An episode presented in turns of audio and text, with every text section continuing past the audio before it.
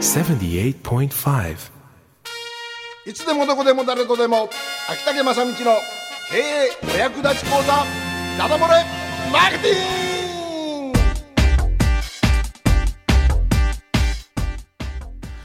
さあ、えー、6時を回りました。関門独立共和国。えー今日のお相手は世界一滑舌が悪いパーソナリティ関門独立共和国初代暫定大統領の門司港のバナナマンと秘書官の小花恵子です。もう門司港のジュディ・オング。はい。ね。はい。声は峰不二子。峰藤子。藤峰子。知らない。えーこの2人のコンビでやっております、さあこの6時からですね、はい。ダダ漏れマーケティング秋竹正道のダダ漏れマーケティングということで、はい。えー皆様に経営のお役に立つことを、えー情報をおなが、えーっとお伝えしたいはい。ということでやっております、えー今ですね、うんあのーシーズン5ぐらいでして、はい。えー営業心理学ということをやお伝えしてるんですね、はい。要するに営業における心理学の活用ということで、えもう6回ぐらいかな、うん今日7回目ぐらい、うんこのぐらいっていうのがね、うん。このゆるゆるで。ゆるゆるでいいですね。でもネタ切れになったらすぐ次のやめちゃうみたいな もう来週から変わりますみたいになっちゃうわけですけど。さすが秋竹さんですね。ね。これで許されるのかっていうのがねもう私もひよひよしながらやってますが、さああの今日のテーマはですね、はい。営業心理学ということで、うん。えーこういう言葉はごぞ聞いたことありますかね。あの社会的証明。社会的証明。うん。社会的証明の原理っていうのがありまして、うん。はいえー例えばねこんな感じ、えー手軽なところでは、うん。テレビのお笑い番組でうん。録音笑いってありますねはいはいはいはい。よくありますね。あのうんうん。奥様は魔女とか、うんうんうんうんあるしそれから桜の笑いですね、うんうんえこういうのを使いますと、うんネタがつまらなかった時でもうん面白かったと認識されやすい、うんうんうんうんね今最近少なくないですか？何ねドリフとか、うん。ね昔本当多かったですよね。ですよねうん。あの勝手に笑うんってるそうそうそうそうそう。でもその笑いにつられるんですよね。そうそうそう。じゃあこれがですね、うん。社会的証明の原理の活用うなんです、この社会的証明の原理といいますのは、えー人は他人が何を正しいと考えているかに基づいて、うん。物事が正しいかどうかを判断すると。うん。つまりなかなかですね、うん。一人で正しいかどうかを決めるっていうのは難しいんですよ、基本的に、うんだけど人が正しいと言ってれば、うん。そりゃそうだねと、うん。そうなのと、うんうん。こんな話もありますね。あのー高速道路っていうか、まあ、街中の渋滞があったとしましょう、私がここの街の近道知っとればねって、うん絶対これし近道があるはずなんだよねと思いながらも、うん。並んでる道から知らない土地だとうん。外れられないじゃん、幹線道路うんが外れられなくて、うんもしそこで、うん。ふと前の人はその気がないのにうん。間違うてうん。横に曲がってうんいった、うん近道に行くつもりはない、うん。横に曲がっていった、うん。それにつられてもう一台曲がった、うん。うん。3台目はどうするか、うん。一緒に曲がっちゃう、うん。うん。うん。あもしかしたらこれうん。向こうは近道かもしれないと、うん。えそういうのがですねうん。実は、えー社会的証明、うん。人のうん。判断を見て人、うん。えー正しいと感じてしまう。えそういうことです、ね、これこの間うん。地震の時言ってましたテレビで。あゆりかもめとかなんかで誰一人慌てなかったらしいんですよ。揺れてるんですよ。揺れてるからみんなすごいどうするんだろうと思うけどはい。みんなそれななんかえらい冷静にみんながみんなどうするんだろうって言って逃げなかったと、ありますね、うん、だから反対に逃げ遅れると、うん。みんなが安心してるから自分も慌てちゃいけないと、反対に一人が慌てると、うん。みんな一斉に慌てるみたいな、ね。全く同じですねこれね。そう、うん。誰かを救出する時もうん。一、人の時の方が救出に走りやすい。うん。うん。傾向にある、うん。うん。ところが集団でいると、うん。誰かが動かないと、うん。その今こう危機せあの救出しなきゃいけないうん。状態なんだっていうことが、うん。自分で認識でうんきない、うん。これ悪気があるわけでもなくて、ほったらかしてるわけでもなくて、うんついついき危険じゃないと判断しちゃうね、それがまさしく。社会的証明ですね、えーこの社会的な証明の原理がですねこれが作用する、うん。えー効果的に作用する場合は条件が2つぐらいうん。ありまして、えーその1つが、えー不確不確かさ。うん確か確かじゃない、うん不確かさ、うん。えー人はどう行動すればよいのか、えー確信を持てない時ほど、うん。他人の行動を参考にして自分の行動を決めようとする、えーつまり状況が明確で判断材料が多い場合よりも、うん。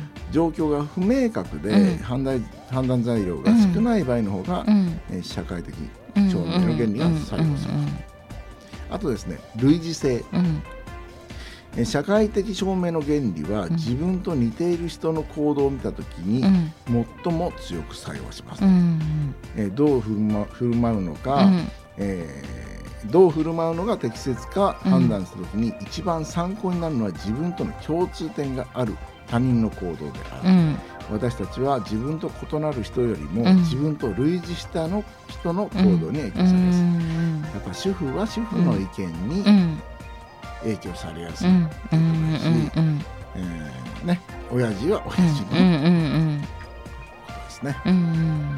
でまあこれがですね実によくセールスの現場で使われてるわけですね、でその場合はですねどのような感じかというと例えばですね雑誌広告。うん。では人気ランキング第1位。うん。これまさしくうん。あの社会的証明、うん。ですみんなこう持ってんで買ってんだとですね、えー市場シェアナンバーワン、うん。一番売れてますよなどの、うん。このキャッチコピーとかね、うん。えそれからこうテレビの CM とかでよくあるのが、こう一般の消費者風あ消費者の方、うん。あれ消費者の方が多いですね今。登場してね。いかにこの商品が優れているかをこう証言してるうん。というようなことがうん。あるということですね。それからあとですね、うんまあとにかくお客様の声もね、うん。お客様の声をこう封筒にいっぱい入れてる、うん。えー会社とかいますね、まあうちもそうなんですけど、これはですねあのー本当に社会的証明がうん。結構発揮されるところで、うん。え私どもの場合はですねうん。一応お買い物のご参考にしてくだうさいということで入れさせてもらってるんですけれども、う んいやでもね、うんあの確かにあの、ええ。健康食品とかあの、ええ。ダイエット食品とか、えそれ参考しますね。えしますよね。しますね。やっぱりこう、うん。間違ったお買い物したくないっていうのがまずありまうんすしね、うん。本当に大丈夫なのかっていうのがありますからね。やっぱりその先が見えないでやっぱり経、うん。体験した方の意見ってやっぱり信じちゃいますもんね。そうですね、うん。えーあとですねあそうそう社会的証明の一つの事例としてですねこんなこともあるみたいですね、えーある教団っていう話ですが多分外国だと思うんですけど、うん。えーある教団では大予言が外れて以来うん。それまでより信者の信仰心が強くなり布教活動も活発になった。へえ外れてから、外れたのに。なぜかというと、うん。自分の信念の正しさをうん。社会的証明によって支えようとした。の、うん。自分たちがもっともっとこう、うん外れたけど、ん。一生懸命やってるって姿をうん。見せて、私たちの姿を見ることによって社会的証明をまさしく出そうとした、えそういうのもあるみたいですうね。ん。うん。さあそういう感じで今社会的証明っていうのはですね本当に、えーたくさんいろんなところで見渡せることができますので、まあこれにですねやっぱり経営者とすれば商売人とすれば、うん。まあ、そういう心理学があるんだと、うん。それを適切にうん。えーもちろんこう人を騙すんじゃなくて、うん。騙すんじゃなくて、えーそういうことがあるんですよってことで。だからせっかく他のお客様が、えー美味しいねって言ってくれるんだったら、うん。それを、えーそのこれから買おうかなどうしようかなっていう方にうんうんお見せすればいいことだし、う。んその方がこうあの説得に効果がありますよ、そう。えー自分が1喋るよりもお客様が100喋っあ違う反対。うん。自分が100喋るよりお客様が1喋ってくれたらよっぽど効果があるとよですね。くその料理なんかでも、うん。それをお店はただ売るだけだから、ねだけど買った方がこういう料理法がありますよとか、ええこれをかけたら美味しかったとかっていう提案があるじゃないですか、はいはいはい。それなんかすごく参考になりますもんね。そうですね、うん、朝のもう小道の料理なんてのは、もう食べたくなりますよ。ありますね。もう小道僕正道。笑ってますよ。多分正道の料理作ってもそんな皆さん食べたいと思わないと思うんですよ、もうお米ちがトトトトトトと作ればもう食べたくなりますからね。カナリアの学校のお弁当の数は、うん、もこみち流は入ってるんじゃないかなって気がするんですよ私。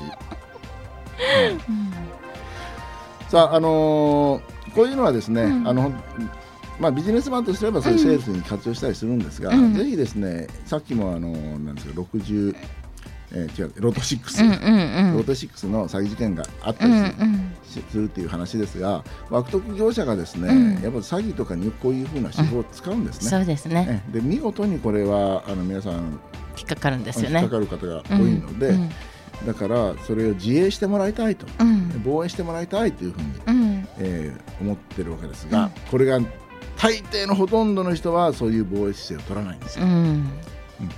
で、えー、社会的こう社会的な証拠みたいな証明がですね、うん、高い社会的な証明が意図的に歪められて提供されていることが分かった場合は、うん、もう必ず無視するということで、それが分からないから困るんだけど、うん、巧妙にやってきますからね。だから最近ではテレビで、うん、えー、このお客様の声証言者の声は、うん、あのその個人の声で、うん、あ書いてます書いてます、うんうんその人にとっての声であり、皆さんに適用するものではありませんということはね、言ってますんでね、はい、この社会的証明は本当にインパクトありますので、お気をつけていただきたい。それからご商売人の方は、悪意を持ってではなくて、しっかりとお客様の参考にしてもらう程度にですね、えー、使われた方がいいんじゃないでしょうか、ということでございます。はい。さあ今日の秋田県正道の、えー、ダダダダ漏れマーケティングは、えー、社会的証明の原理ということでお伝えいたしました。それでは一曲参ります。